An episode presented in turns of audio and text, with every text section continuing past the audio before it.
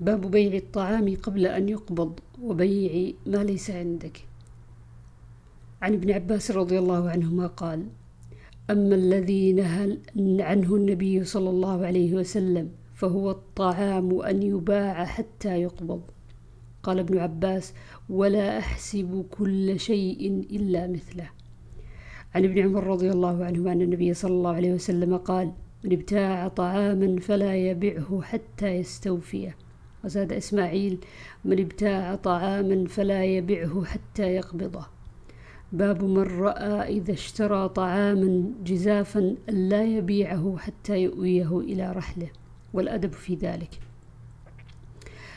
عن سالم بن عبد الله أن ابن عمر رضي الله عنهما قال لقد رأيت الناس في عهد رسول الله صلى الله عليه وسلم يبتاعون جزافا يعني الطعام يضربون أن يبيعوه في مكانهم حتى يؤوه في رحالهم. باب إذا اشترى متاعا أو دابة فوضعه عند البائع أو مات قبل أن يقبض. وقال ابن عمر رضي الله عنهما ما أدركت الصفقة حيا مجموعا فهو من المبتاع.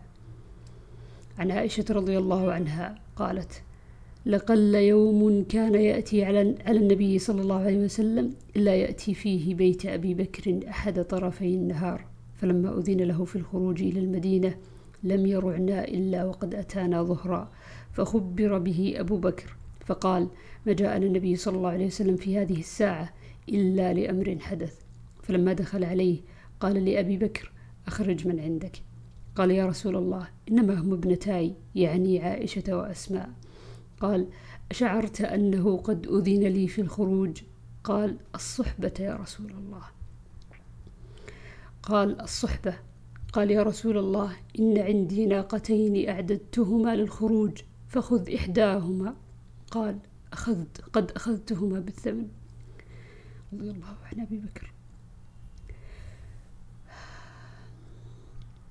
باب لا يبيع على بيع أخيه ولا يسوم على سوم أخيه حتى يأذن له أو يترك.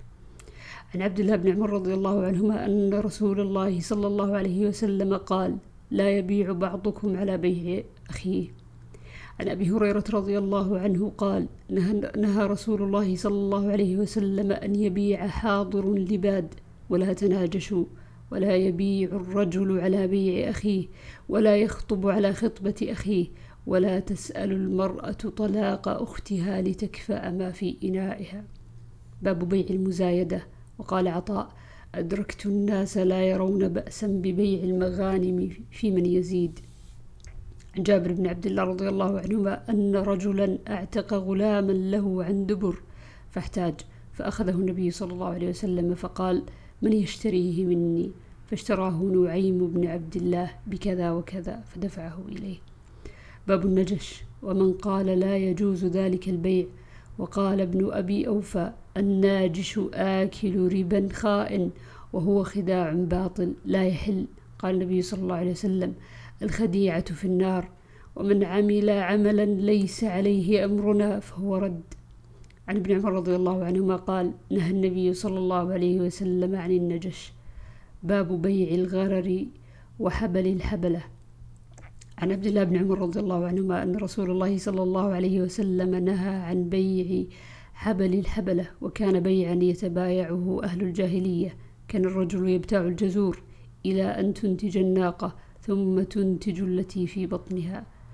باب بيع الملامسة وقال أنس نهى عنه النبي صلى الله عليه وسلم.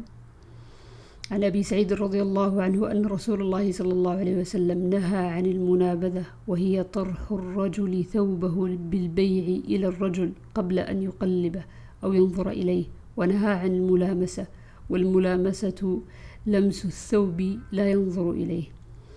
عن أبي هريرة رضي الله عنه قال نهي عن لبستين أن يحتبي الرجل في الثوب الواحد ثم يرفع ثم يرفعه إلى على من على منكبه وعن بيعتين اللماس والنباذ. باب بيع المنابذة. وقال أنس نهى عنه النبي صلى الله عليه وسلم. عن أبي هريرة رضي الله عنه أن رسول الله صلى الله عليه وسلم نهى عن الملامسة والمنابذة.